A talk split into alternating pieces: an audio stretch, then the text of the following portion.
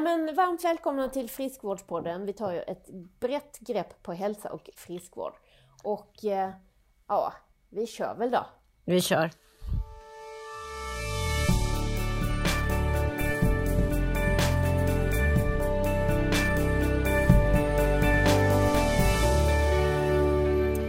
Hej Anna! Hej! Hur är läget idag? Jo men det är, det är ju fantastiskt, men väldigt speciellt sätt att spela in podd på. Jag sitter med Absolut. min telefon uppe i, under näsan och en högtalare här och så ser jag dig och du har massa sladdar i öronen och så ser jag mig själv. Det är så här, ja, hur fel kan det här gå liksom? Precis, jag har en sladd in i datorn för att jag ska höra rakt in i örat och inte ut i luften. Och så har jag en annan sladd, eller ett annat headset från mitt andra öra och in i min telefon så att jag kan spela in bara mig själv. Och så hoppas vi att vår fantastiska tekniker Daniel kan lösa det här och pussla ihop de här ljudfilerna åt oss. Men det har han gjort förr, så att det, det löser sig nog. Ja. Och jag, när jag ser mig själv så blir jag ändå lite så här inspirerad. Att mitt drömyrke, om jag bara fick så här, vad vill du vara just nu? Bara, tänk att bara vara så här eh, sportreporter på, under VM nu. Ja, kanske inte igår då när det skett sig allting, men när Frida och gänget bara köttar på liksom. Precis. Så Jag trodde du skulle säga pilot. Du ser ut som en pilot. Eh, Nej, nej men det känns inte som jag. Sitta helt still och titta rakt ut ingenting i timmar. Nej. Grejen och kanske krocka med en eh, fågel. Ja, anledningen att jag vet att eh, pilot inte är mitt yrke är att jag satt i cockpit hela vägen till Peking en gång. Mhm. Det är det tråkigaste jag gjort. Okej, Det hur kom det sig då? Hur hamnade du där? Ja, man får göra sina kontakter. Nej men det var att när jag jobbade på Blomstermåla så jobbade jag jämt. Jag var helt slut som person. Och då kände jag en kille som är pilot. Så frågade han så här. Vill du eh, åka med mig till Peking i 48 timmar? Så gjorde jag det. Så ingen kunde ju nå mig. Jag fick typ sov. Och gick på någon konstig marknad och fick ett ljus i örat. Och, ja, det var någon massage. Man drog ut onda andar med det här. Eh, ja, sen åkte jag hem. Och eh, ja, det var så gick det till. Men Det då var var, lite som en sån här... då var det i alla fall att eh, åka bil, då ser du ju ändå träd och bilar och andra grejer.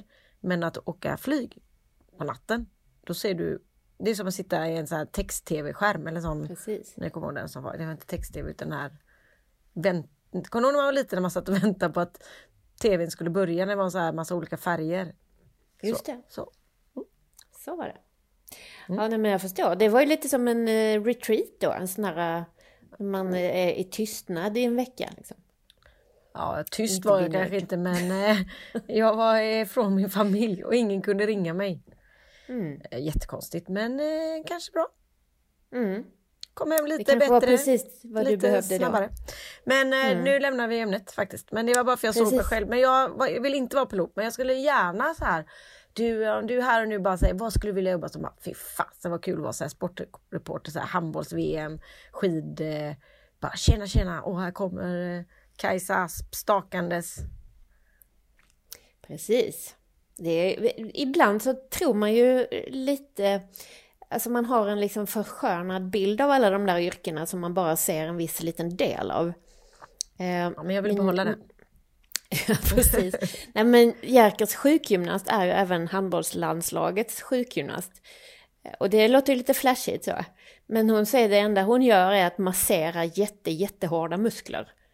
Och du kan ju Nej, tänka dig ett helt lag som vill ha Jag sa ju sportrekord. Jag vill inte ta på massa håriga ryggar och, och nej, svett.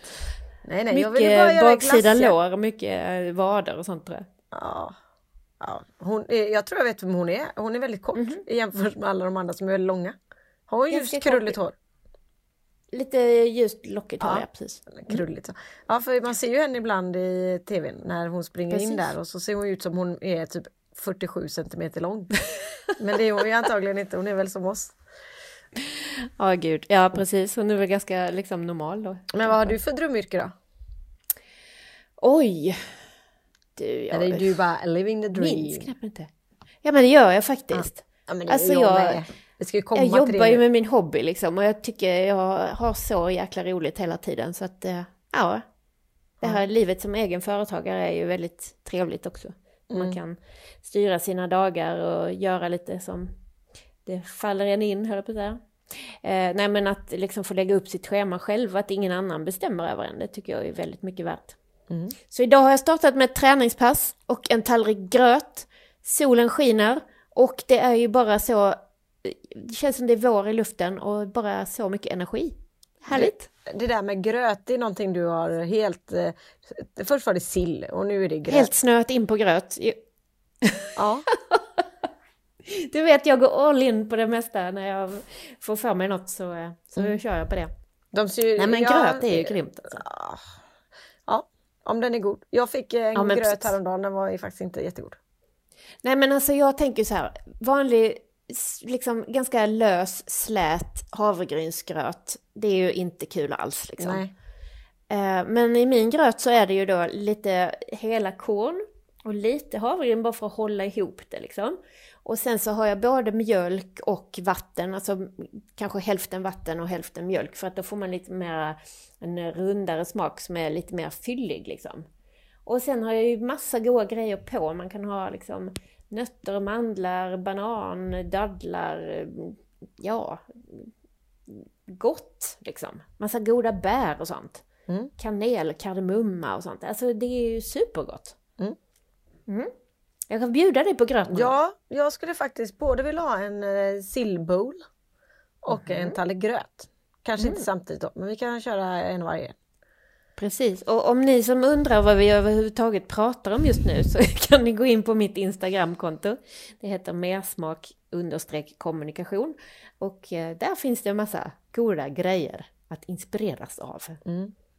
Mm. Ja. För det, som, mm, det jag vill med det är ju att eh, liksom sprida budskapet om att god och, eller nyttig mat är enkelt och jättegott och eh, liksom prisvärt. Du behöver inte gå till någon specialbutik och köpa dyra pulver och shots och allt vad det är. Utan det är helt vanlig mat som finns i vilken mataffär som helst. Mm. Och gärna sånt som är odlat liksom ganska nära oss. Gärna i Norden eller så i alla fall.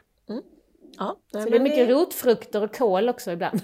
Ja, Du kål kanske- hade du också. Ja. Ja precis, du kanske missade min brysselkålsperiod. Nej, nej, nej, nej, nej. Men jag, jag, den hakade jag ju på rätt hårt alltså. Till slut var det så här Ja, hemma det bara, så snälla kan vi ändra? Men jag, brysselkål är ju faktiskt min favorit. Det Steka brysselkål med lite Ja. pinjenötter och lite citron på, lite timjan, lite persilja. Alltså man kan hitta på hur mycket. Det är svingott faktiskt. Det är fantastiskt. Mm. Men Så gröten har jag inte lyckats med. Jag gör nog rätt äcklig gröt om jag ska vara ärlig. Den är nog rätt Mm. in i mikron typ med lite vatten och så Mm. är det en sked med någon sylt på. Mm. Ja, du fattar nivån. Ja. 70-tal. Ja. ja, men det kan vara bra det med. Ja. Men jag, det är roligt. Men du mannagrynsgröt, är det inte nyttigt?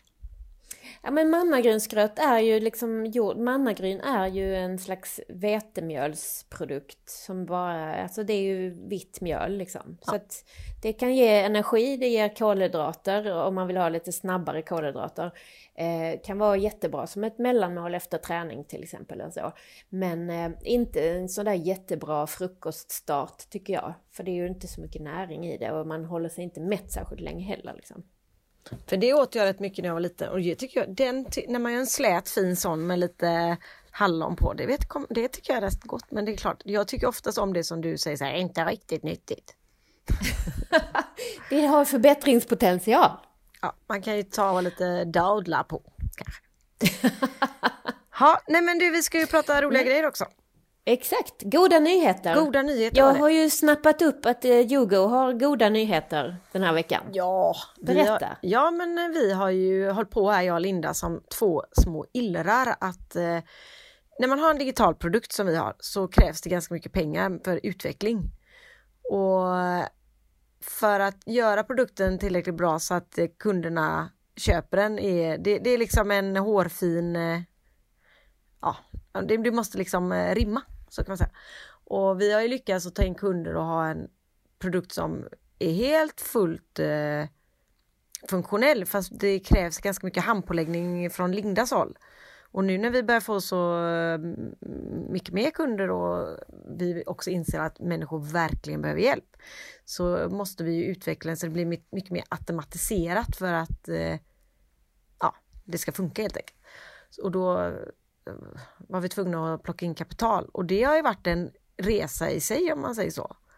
Eh, ja, nu ska jag inte vara, ja, men jag kan faktiskt vara lite ärlig, det är nog inte så helt lätt att vara eh, 50 år, ja som jag är och Linda är nästan, och bo i Göteborg, vara tjej, ha en digital produkt, inte vara så digital, men förstå att det måste vara digitalt.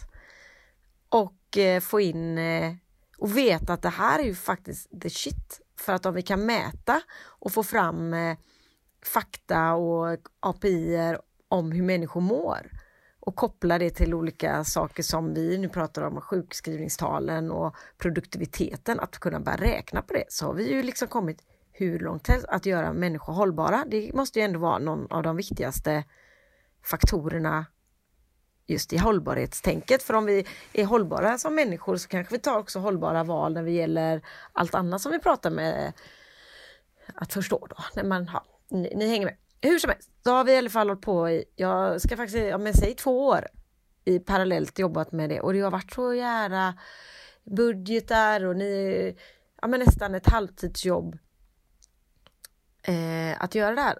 Och vi har varit med Almi Invest och de har det här så superbra men ni måste ha lite mer content eller lite mer kunder eller lite mer det eller lite mer det. Och så bara helt plötsligt så och vi har också, nu ska jag säga, haft människor som Åh, det är så jävla bra, vi vi är med, vi är med. Och precis när man ska sätta sig ner runt bordet och så bara, men vi behöver pengar. Ja, men vi hjälper till med strategiska planer. Ja, men vänta lite. Strategisk plan. Det behöver vi också, men eh, stålarna behöver vi mer för att kunna utveckla. För att om vi bara jobbar strategiska planer så har vi fortfarande ingen full... Ja, det blir tvärtom. Mm. Helt plötsligt i alla fall så dyker det upp en eh, liten eh, man här som också sitter på The House och bara jag tror jag har en bra idé. Och då sitter han i styrelsen för mm. de här J.A. Kjellberg och Söner heter de, som egentligen är ett rederi i Göteborg. Ett väldigt stort rederi. Som har bestämt att de ska börja att eh, ja, men investera i bra startups. Så vi är deras första investering och de, vi är inte deras sista.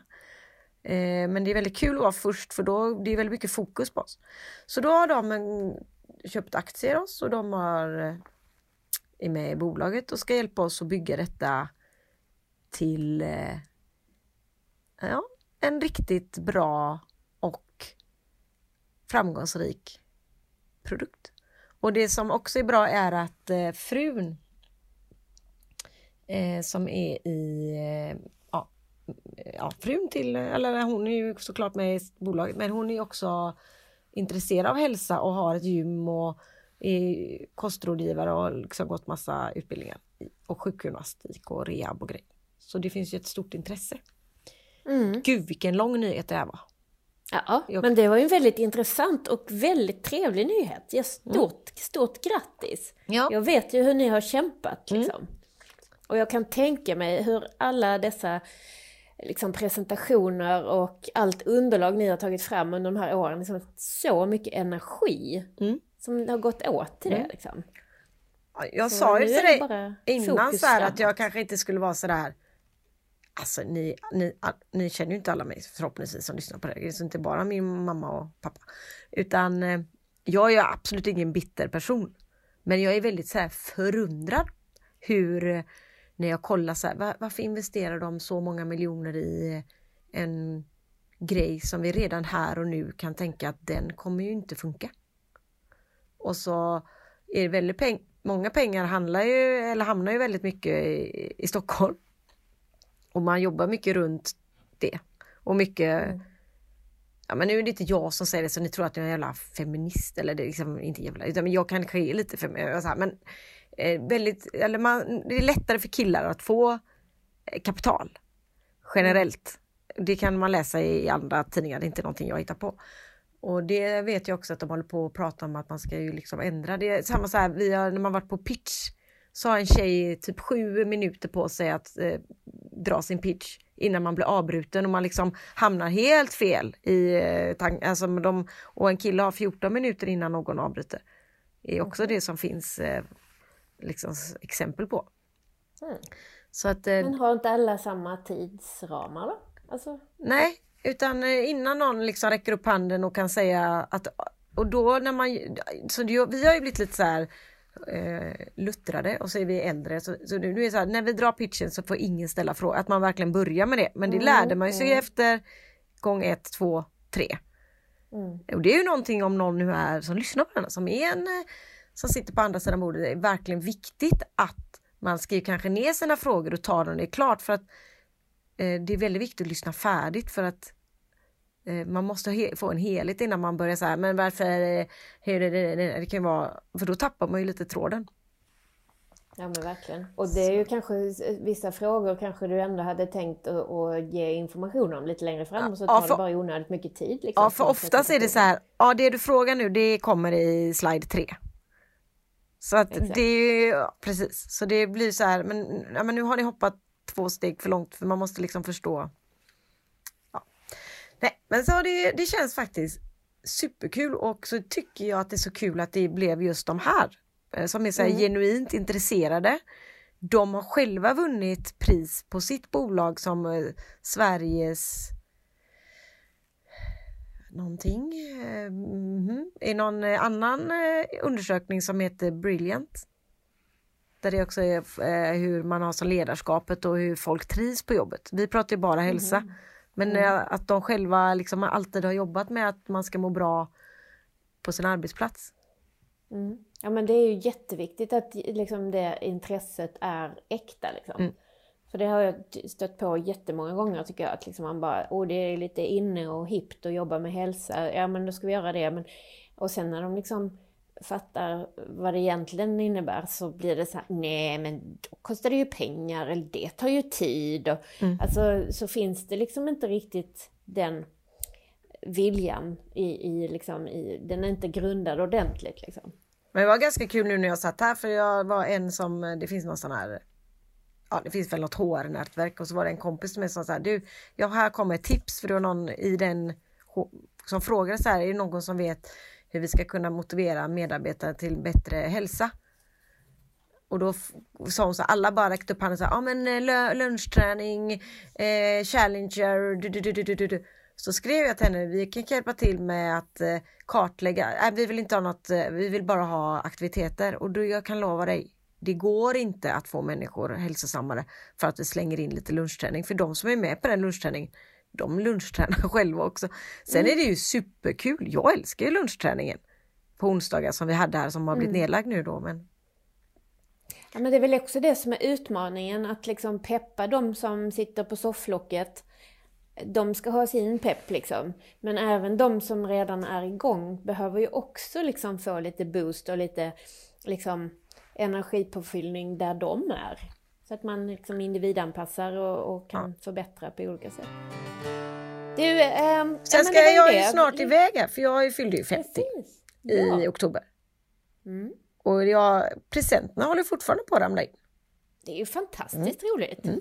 Och det här det är, är inte den sista. Du, precis, det är lite som att du ska på din egen möhippa nu här. Ja. Så Man idag ska jag halv två bli upphämtad för att få någon lunch.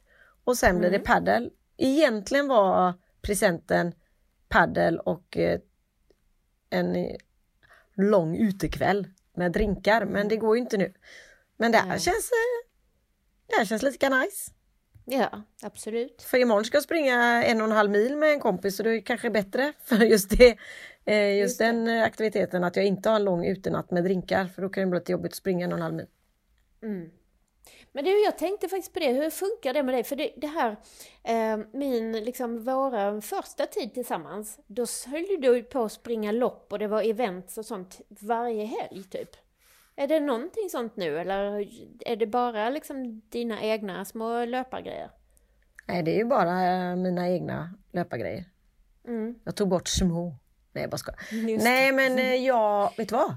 Det är ganska skönt. Mm. För den här eh, loppångesten är ju liksom eh, begravd. Så fasta, för jag är ju, är ju så här eh, svårt att säga nej människa. Så när de bara, ah, ska du springa med mig? Det, det, det. Ja, ja, ja. Och bara, åh nej. Och så på med den här jävla nummerlappen och så lite ångest och så vill man liksom göra en bra tid för sig själv och inte det. Så nu är det mer så här, ja men vi springer klockan nio från eh, backen och springer vi åtta kilometer, sen hem och gör frukost till familjen liksom eller vad man gör. Och imorgon var det bara för Anna eh, som jag ska springa med imorgon. Hon ska springa ett maraton. Förhoppningsvis blir det av och blir det inte av får vi ja, ska hon, får vi göra det virtuellt. Ja, men då ska jag i alla fall eh, springa för hon ska få många kilometer i benen.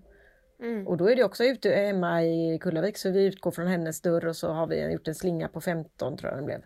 Och sen är det lite bastu och sen eh, klockan 11 är jag klar liksom. Mm, härligt. Väldigt härligt. Så jag tränar nog egentligen mer. Ja, jag har fått in en riktig, jag har ju fått en ny, eller ny, jag har känt Lena längre men vi har blivit bra träningskompisar så man alltid vet att hon säger ja och hon vet alltid att jag, eller jag säger inte alltid ja om jag inte kan men oftast är det ja och det kan vara, ja nej men det känns bra. Mm. Och så att eh, det här, nu, gud vad jag pratar. Att eh, också göra olika saker som nu, nu ska jag spela paddel och imorgon ska jag springa och på söndag kanske jag ska köra lite styrka. Mm. Men det har du alltid varit bra på. Ja. Att blanda lite. Ja, jag är bra på det. Vet du vad? Igår fick jag en sån, ja, nu ska jag ta hand om mig själv på riktigt. Mm. Inte bara det här liksom squeeza in ett träningspass när jag liksom har egentligen lite för lite tid och så. Eh, utan nu jädrar, nu är det jag liksom. Så tänkte jag. Mm. Eh, för jag var iväg, jag har haft lite ont i foten det sista. Och eh, fick av min sjukgymnast rekommenderat att jag skulle gå till löp och skokliniken. Så igår var jag där och scannade mina fötter och ska få nya inlägg och de ska rekommendera skor och sånt där. Och jag kände att det här kostar svin mycket pengar men det, är ju det enda vi liksom egentligen som är värt att investera i är ju faktiskt hälsan och att Mm. kroppen funkar. Mm. Och det är lite så att jag kanske är inne i någon slags, inte 50-årskris, men eh, det är ju ändå så att den dagen närmar sig för mig också här. Och eh, lite så att, ja, nej men nu får man ta hand om sig. Men och det är ju inte så. vänta tills det är liksom lite för risigt för att det ska kunna bli bra igen. Nej. Så nu är det min tur. Men det är ju som eh, jag sa till Nalle, vi snackade nämligen. Och det är, är ju ändå halva tiden kvar ska man ju leva. Mhm, Precis. Så det är ju inte så här, ja men jag, jag, jag tränar på här nu för ingen mening för snart ska jag dö. Utan det är ju liksom, nej, jag tränar ju på här och för jag vill ju verkligen inte dö. Precis. Sen kanske man gör det ändå men man får ändå ha bästa förutsättningarna. Så jag känner samma som dig. Så jag funderar faktiskt. Mm. väldigt mycket på att ta en PT när det gäller styrka. Mm. Köra liksom och jag tror jag behöver lite hjälp där för jag kan köra så här styrka hemma med gummiband och lite hantlar och så men det här liksom riktiga kött Ja, alltså. för att det ska liksom faktiskt bli någon slags utveckling av det. Mm. På tal om det så har ju jag haft lite kontakt med en väldigt intressant gäst som vi ska boka in. Eh, Katarina Voxnerud. Hon är ju naprapat i grunden men har specialiserat sig liksom på kvinnohälsa genom livet. Så det handlar mycket om liksom, träning under graviditet och efter graviditet och så men också väldigt mycket om träning vid klimakteriet. Mm. Det, ordet är ju så jävla osexigt. Men Mm. alltså träning i 50 plus åldern då. Ja, det låter roligare. Ja, nej men hon, eh, henne ska vi verkligen försöka få hit. För Ja. att hon är väldigt, väldigt kompetent och väldigt trevlig att lyssna på också. Så det ska vi lösa. Mm. Men på tal om det så har vi också en sponsor till det här avsnittet. Det är kul. Ehm, ja, precis. Svenskt kött heter ju de och det är ju en organisation som vill liksom lobba för att vi ska välja svenskt kött när vi äter kött.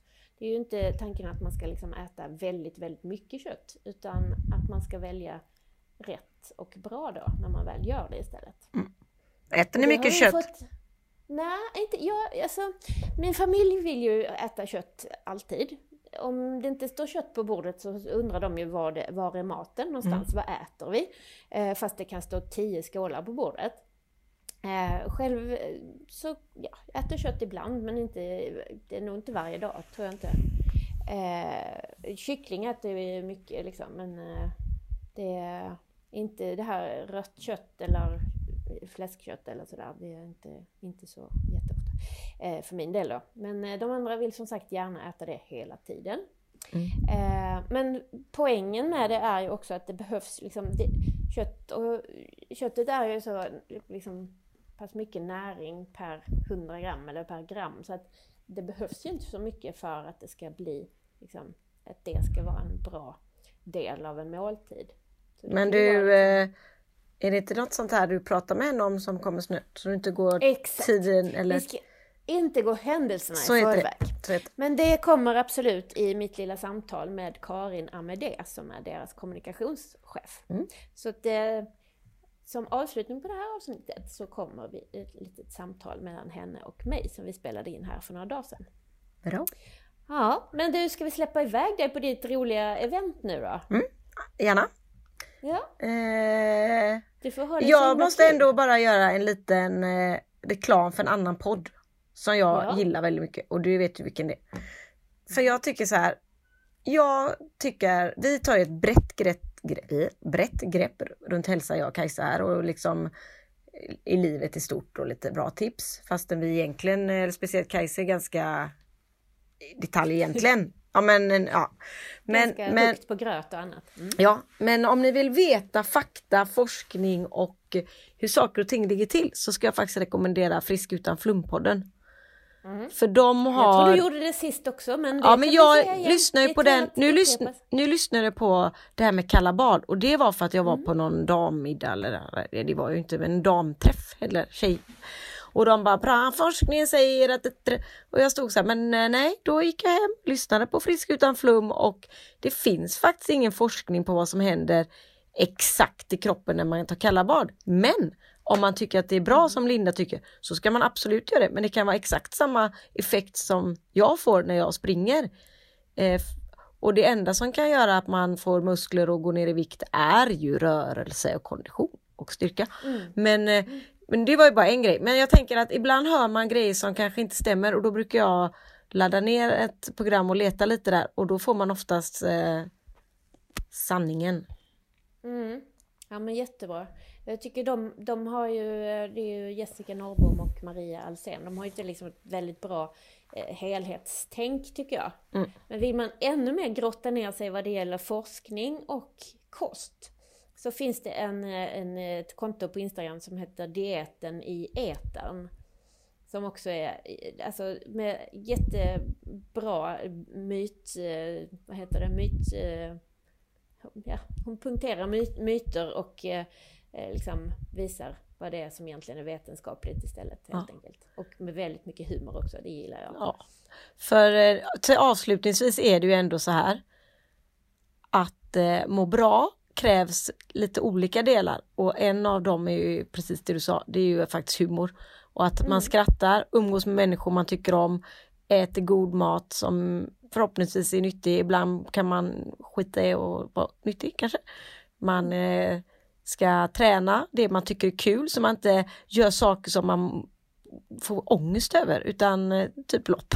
Utan eh, hitta, jag älskar den här balansen, lite paddel, lite ja, och göra det med en kompis som han har kul med. Mm. Så man får det här in i vardagen så det inte aldrig känns, ibland kan det kännas ångestfyllt men att man bara så här hittar sin egen grej. Verkligen. Det är väl Och det. det är ju mycket det det handlar om när det gäller maten också.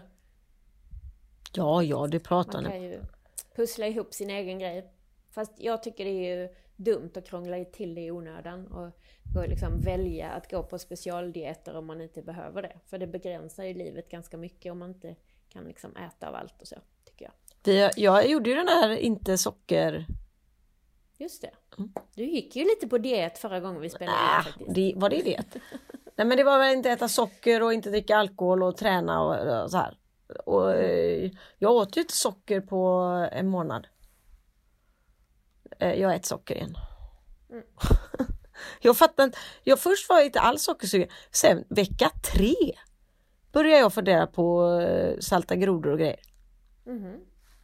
Och det säger ju inte det att det säger det tar fem dagar till två veckor att bli sockerfri. Det det stämde inte på mig helt enkelt. Nej, men alltså jag, vi har ju varit inne på det innan, liksom, att du har ju ibland liksom ätit lite för lite av vanlig mat. Mm. Och det är ju, då blir det ju ofta ett, liksom ett försvar som kroppen sätter in, det är ju att bli sugen på socker eller pizza eller chips liksom. Så att man, Ja, man det blir jag alldeles sugen på sånt som innehåller väldigt mycket energi bara. Mm.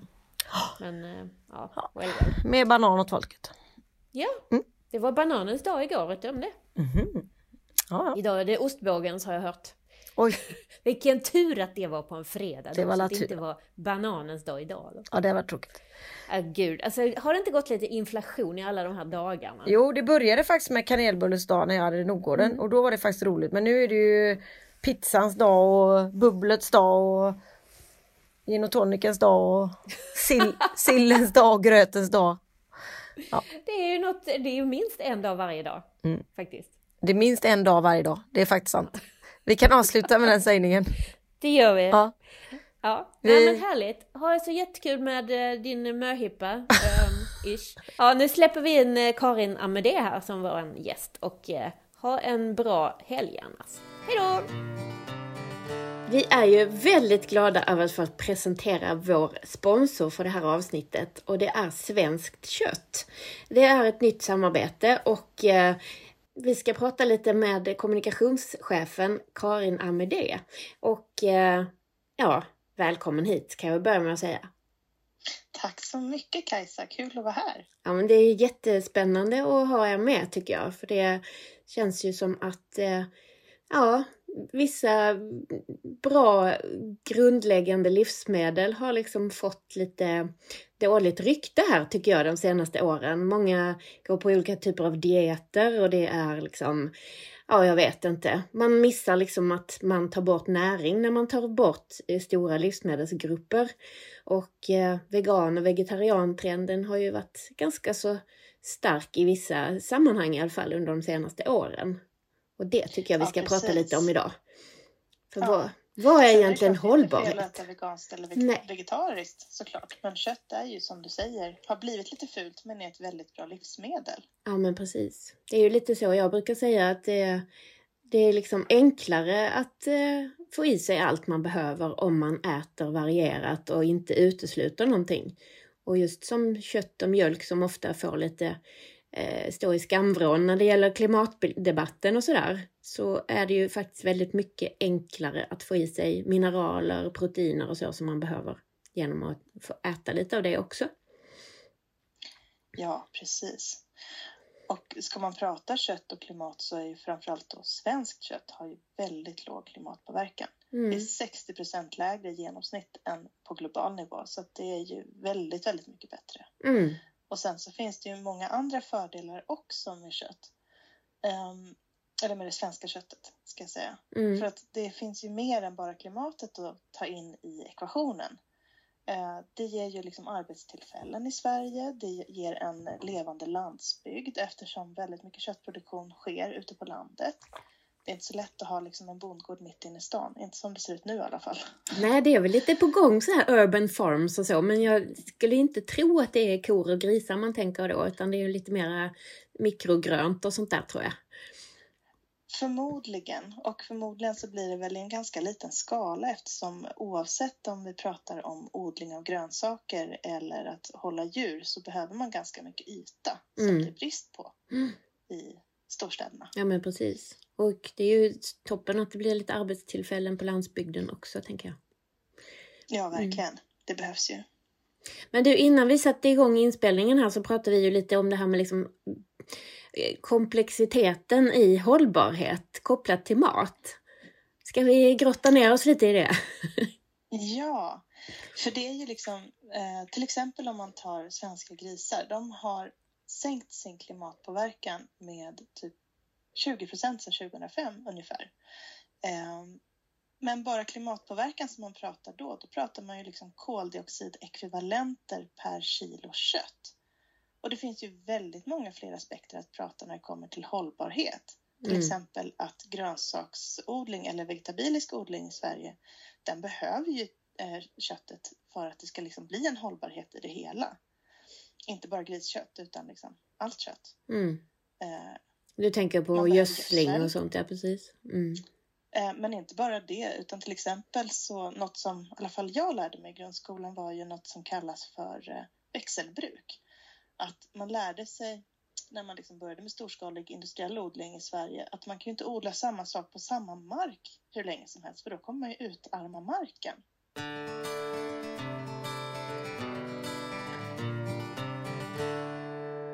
Jag tycker det är också väldigt intressant med, alltså, eller viktigt, och det kanske är en aspekt som vi har fått upp ögonen för eh, nu de senaste åren. Det här med att vi behöver faktiskt vara mer liksom, eh, eh självförsörjande inom landet. Det, det var ju en sommar med massor med torka som eh, lite gjorde att vi fick upp lite ögonen för detta och nu under coronatiden så var det ju väldigt mycket saker som plötsligt inte fanns på hyllorna längre. Och då... Ja, precis. Och där är ju köttet en viktig del. Mm. Um, för det är något som vi pratar om ganska mycket också, att köttproduktionen är i princip alltid i säsong, till skillnad från grönsakerna vi odlar. Mm. Um, för att det går att producera året runt, kött och mjölk. Um, men det går ju inte, vissa saker går ju att odla som håller sig eh, antingen som blir färdig, färdiga kan man säga sent på hösten eh, eller som går att förvara länge. Mm. Till exempel går ju äpplen numera att förvara året runt så vi kan få svenska äpplen året runt. Mm. Eh, men sen så ska man också komma ihåg som vi pratade om att eh, man kan ju inte odla samma sak på samma mark alltid. Eh, och all mark i Sverige är inte lämpad för all typ av odling. Ehm, det finns mark som till exempel bara lämpar sig för att odla vall som inte kräver så mycket eh, energi. Mm. Eh, näring menar jag förstås. Ja, och vall är, sån, det är typ eh, gräs och sånt som, som de får precis. äta? gräs och klöver som mm. kor och eh, får äter. Mm. Ja, hästar också till viss del. Mm. Um, så att det är ju liksom något som vi kan odla på alla marker som också kan ge en väldigt bra paus för eh, marken att återhämta sig där man egentligen odlar andra saker. Mm. Om man ska prata om det här med växelbruk som vi lärde oss om i grundskolan. Ja, nej, men det är också intressant tycker jag. Det är något som jag har lärt mig ganska nyligen, det här med att kossorna faktiskt kan trampa ner en del av koldioxiden i marken. Det tycker jag också är lite ja, det är ju ytterligare en aspekt på det här med att det, det går kanske inte att bara ta hur mycket koldioxid är det per kilo kött. För har de gått ute så har de dessutom trampat ner en del av det i jorden. Ja men precis och sen så är det ju också så att markerna som finns för att odla deras mat binder koldioxid i marken. Precis. För att de eh, gräsrötterna är mycket, går mycket djupare än vad till exempel grönsaksrötter går. Mm. Så det binder liksom koldioxiden i marken via fotosyntesen. Eh, enkelt förklarat, det är förmodligen en väldigt mycket mer avancerad process mm. så. Men eh, i, i det stora hela. Och det här är aldrig medräknat när man pratar om köttets klimatpåverkan. Utan då pratar man bara om utsläpp. Mm. Ja men precis. Och sen finns det ju massor med andra skäl också till svenskt. Liksom, det pratas ju rätt så ofta om det här med antibiotika i köttet och man tror att det finns antibiotika i köttet som man äter. Eh, det är ju liksom en vanlig missuppfattning. Men ja. oavsett så känns det som att eh, liksom, i de länder där man använder antibiotika i förebyggande syfte Eh, oavsett om det finns i köttet eller inte så vill ju i alla fall inte jag stödja det. För att det påverkar Nej, miljön och, eh, och arterna och djurarter och människoarter i den miljön och, och närområdet där man är. Ja, visst. Och Sverige har ju lägst antibiotikaanvändning i djurhållningen inom EU och bland mm. de lägsta i världen. Mm. Eh, vi har jättelåg antibiotikaanvändning inom djurhållningen men också så har vi faktiskt väldigt låg antibiotikaanvändning överlag. Mm. Um, och um, det här är ju superviktigt för att när antibiotikan inte längre fungerar, mm. då har vi ju problem med sjukdomar som vi inte ser som allvarliga idag, men som faktiskt kunde vara dödliga för kanske hundra år sedan. Mm. Ja, precis. Nej, så det är ju avgörande. Verkligen. Mm. Jag skulle gärna vilja prata lite mer om kött och näring också. Det är ju lite, ja, ja det här med att vi faktiskt, eh, den enda bristsjukdomen vi har i svensk befolkning är ju bland alltså unga tjejer som har faktiskt eh, järnbrist och enligt Livsmedelsverket så är det ju var tredje ung kvinna som har tecken på att de får, lite, får för lite järn i sig via maten. Ja, och det tycker jag är otroligt oroväckande. Man får Mm. lite ont i magen lite för deras skull. För att Mm. de, förmodligen så kanske man utesluter köttet i större del för att man får höra att det ska vi göra. Mm. Och absolut, vi äter för mycket kött i västvärlden och i Sverige. Men det är oftast inte de här personerna som äter för mycket kött. Utan det är ju andra som borde dra ner sin köttkonsumtion. Mm. Eh, och det blir väldigt beklämmande att man liksom på bekostnad av sin hälsa tror att man gör ett bra val Mm. eh, som inte nödvändigtvis behöver vara liksom ett bättre val. Nej, nej precis. Ehm, och det är ju dels liksom lite svårare att ta upp järnet ifrån vissa vegetabilier. Men eh, sen finns det ju också ganska många sådana här köttersättningsprodukter som inte innehåller särskilt mycket näring. Så man byter ut en komponent på tallriken som då innehåller massor med mineraler, proteiner och bra fetter, det lilla fett som är där och sådär. Och så plötsligt så ska man liksom äta vatten och konsistensgivare istället. Ja. Det, det är ju helt uppåt väggarna liksom. Ja, precis. Jag beställer hem matkassar och jag fick med ett prov på en vegansk fetaost Mhm. i det. Och när jag tittade på den innehållsförteckningen så ser jag att den innehåller kokosolja och stabiliseringsmedel och lite smakersättare. Mm. Och som sagt, ska man ersätta något som du säger så otroligt näringsrikt med det här, det mår ju inte kroppen bra av. För övrigt inte. är det ju inte särskilt klimatvänligt Nej. eller hållbart på något sätt att bara trycka i sig kokosolja istället. Nej men precis, men då har man ju återigen bara sett liksom den här hållbarhetsfrågan på ett väldigt, väldigt smalt sätt. Liksom, Ja. ja, vi pekar på köttet, vi pekar på mjölken, det är det vi ska ta bort. Och sen så ersätter man det och så tror konsumenten att de har gjort ett jättebra val och så blir det dåligt både för miljön och den egna hälsan. Så, aj, Ja. Det är väldigt... Eh, man, ska, man, man får liksom eh, zooma ut lite och titta på eh, helheten tycker jag det är viktigt. Ja, verkligen. Men sen är det ju så också med kött att man, det räcker ju faktiskt med ganska lite för att man ska ta upp mycket mer av järnet i övrig mat också. Ja, Så det- precis. Köttfaktorn är väldigt spännande, Mm. tycker jag. Mm. Eh, och jag har ju grottat ner mig lite i det här med skillnaderna på hemjärn och icke-hemjärn. Mm, Hemjärnet som vi hittar i köttet och icke-hemjärnet som vi hittar i vegetabilierna. mm, Eh, och köttfaktorn gör ju att man tar upp icke-hemjärn bättre. precis. Och det behövs ju väldigt, väldigt lite som jag har förstått det. Mm. Du behöver liksom inte ha en 200 grams biff Nej. för att det ska ske, utan det räcker med liksom lite extra Ja. bara för att du ska få i dig det nyttiga från till exempel spenaten. Ja, ja men precis. Ja, det är fantastiskt. Och det är ju återigen sådär, det är liksom ytterligare ett exempel på att vi behöver äta av alla sorter. Ja, verkligen. Och Superspännande. jag tycker tror ju att det kanske är bra att tänka lite grann på bra råvaror jag. Mm, i grund och botten istället för att liksom försöka hitta massa olika halvfabrikat som man kanske inte riktigt vet vad det är. För det orkar ju inte Mm. alla läsa på heller. nej, nej, men dels det. Men sen, jag brukar tänka så här att köper du billig mat så är det alltid någon som får betala priset. Det är någon annan Ja. som får stå för det som du tjänar in så att säga. Det är antingen liksom dåliga, dålig djurhållning eller lång transport eller Eller kanske dåliga Ja, arbetsförhållanden. exakt.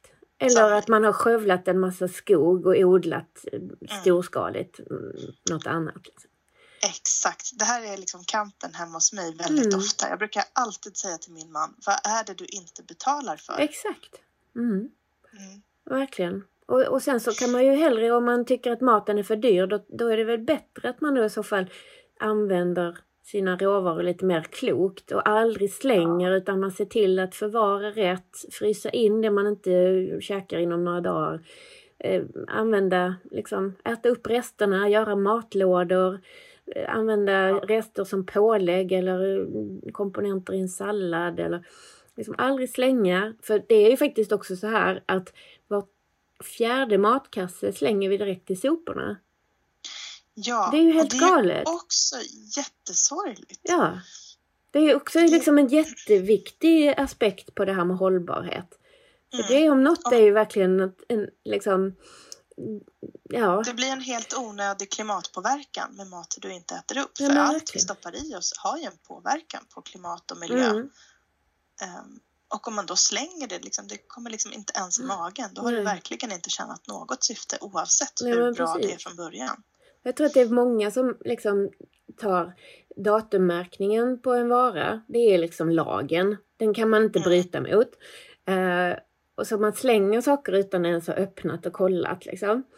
Eh, bara Ja. för att det har passerat en viss dag. Och sen när det gäller då mat som man har lagat själv. Det är många som tror att man måste slänga det direkt. För att där Mm. finns det ju inget datum alls att gå efter. Nej, Så men eh, precis. Jag kan liksom, vi har ju gärna en köttfärssås stående i kylen en vecka. Liksom. Det är inga problem. Och, Ja. eh, bara man liksom har kallt i kylen och inte är där och petar och, och liksom man håller hygienen och, och eh, Ja, men precis. Jag har hört att en vecka det är en ganska bra tumregel att hålla sig till på den lagade maten. Att den Mm. borde hålla i ungefär en vecka. mm, Sen så är vi också, som du säger, vi litar ju alldeles för mycket på de här märkningarna. Eh, bäst före-datum som är liksom som sagt bäst före. mm, Men det går bra att äta efter också beroende på hur det har hanterats på vägen till kylan och så vidare. mm, Men sen så har vi ju också våra egna inbyggda system, lukt och smak. exakt. Det brukar vi alltid säga när folk frågar oss om eh, liksom, köttet går att äta eller inte. Mm, Börja med att lukta på det. Luktar det okej? Testa och steka på en liten, liten bit. Smaka. Smakar okej? Ja, men då är det bra. mm, Smakar det inte okej, då tyvärr måste man slänga och det är ju trist. mm. Och smakar det lite sådär på gränsen då får man göra något indiskt. Så man liksom täcker alla eh, smaksensationer där med något. Lite gurkmeja eller något. Ja. Nej men det finns ju många aspekter på detta, väldigt mycket. Och eh, ja, jag skulle kunna prata med dig i två timmar till tror jag. Ja, det här är jättespännande tycker jag. Ja men det är ju verkligen det.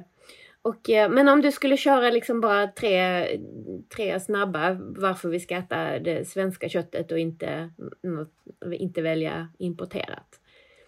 Ja, då skulle jag ju först prata om att Sverige har världens mest omfattande djurskyddslag. Vi är liksom bäst i världen på det.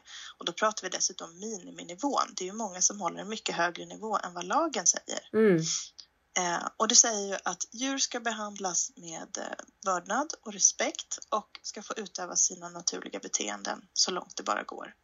Och det här kan man se på massvis med exempel i hur våra djur har det i Sverige jämfört med andra länder. Eh, och sen så skulle jag också säga att vi har eh, eh, lägst klimatpåverkan i världen på vår, vår mat som produceras i Sverige, kött i synnerhet, eh, men överhuvudtaget svenskproducerad mat. Ehm, och sen så skulle jag också säga eh, att vi vill ju stödja vår egen självförsörjning. Vi vill ju att mat ska kunna produceras här i Sverige mm, och då är köttproduktionen faktiskt en nyckel i det hela. Vi behöver ha den för att kunna producera annan mat också. mm. Det är lite så. Om man inte har liksom djurens bajs så har man ingenting annat heller. Man, Nej men precis, till inte, exempel. Det, det finns ju vissa som menar att man inte ska äta honung för att det är liksom ett sätt eh, man utnyttjar bina. Eh, Men jag tänker att har man inte bin så har man ingenting. Nej, Då har man inte eh, äpplen eller bär heller. Det Så, är eh, ytterst få växter som kan odlas utan bin faktiskt, utan pollinerare. mm, precis.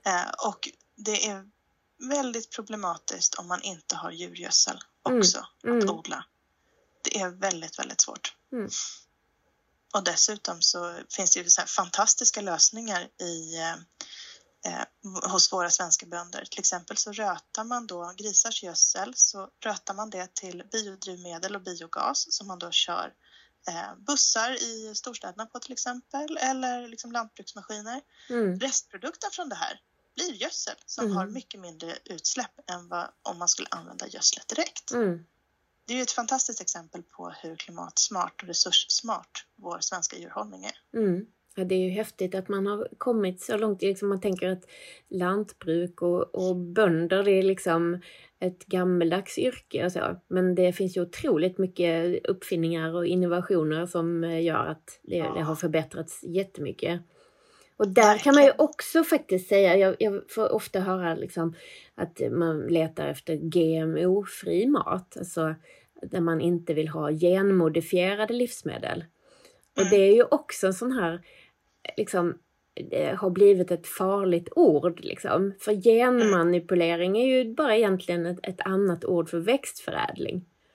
Ja, det, det finns ju avarter såklart. Med, ja. som, som munkar på 1000-talet eller tidigare. Precis, det finns ju många av de frukter och bär som vi har idag som vi inte skulle haft annars om vi inte hade gjort dem bättre Nej. efterhand. Liksom. Nej, precis. Så.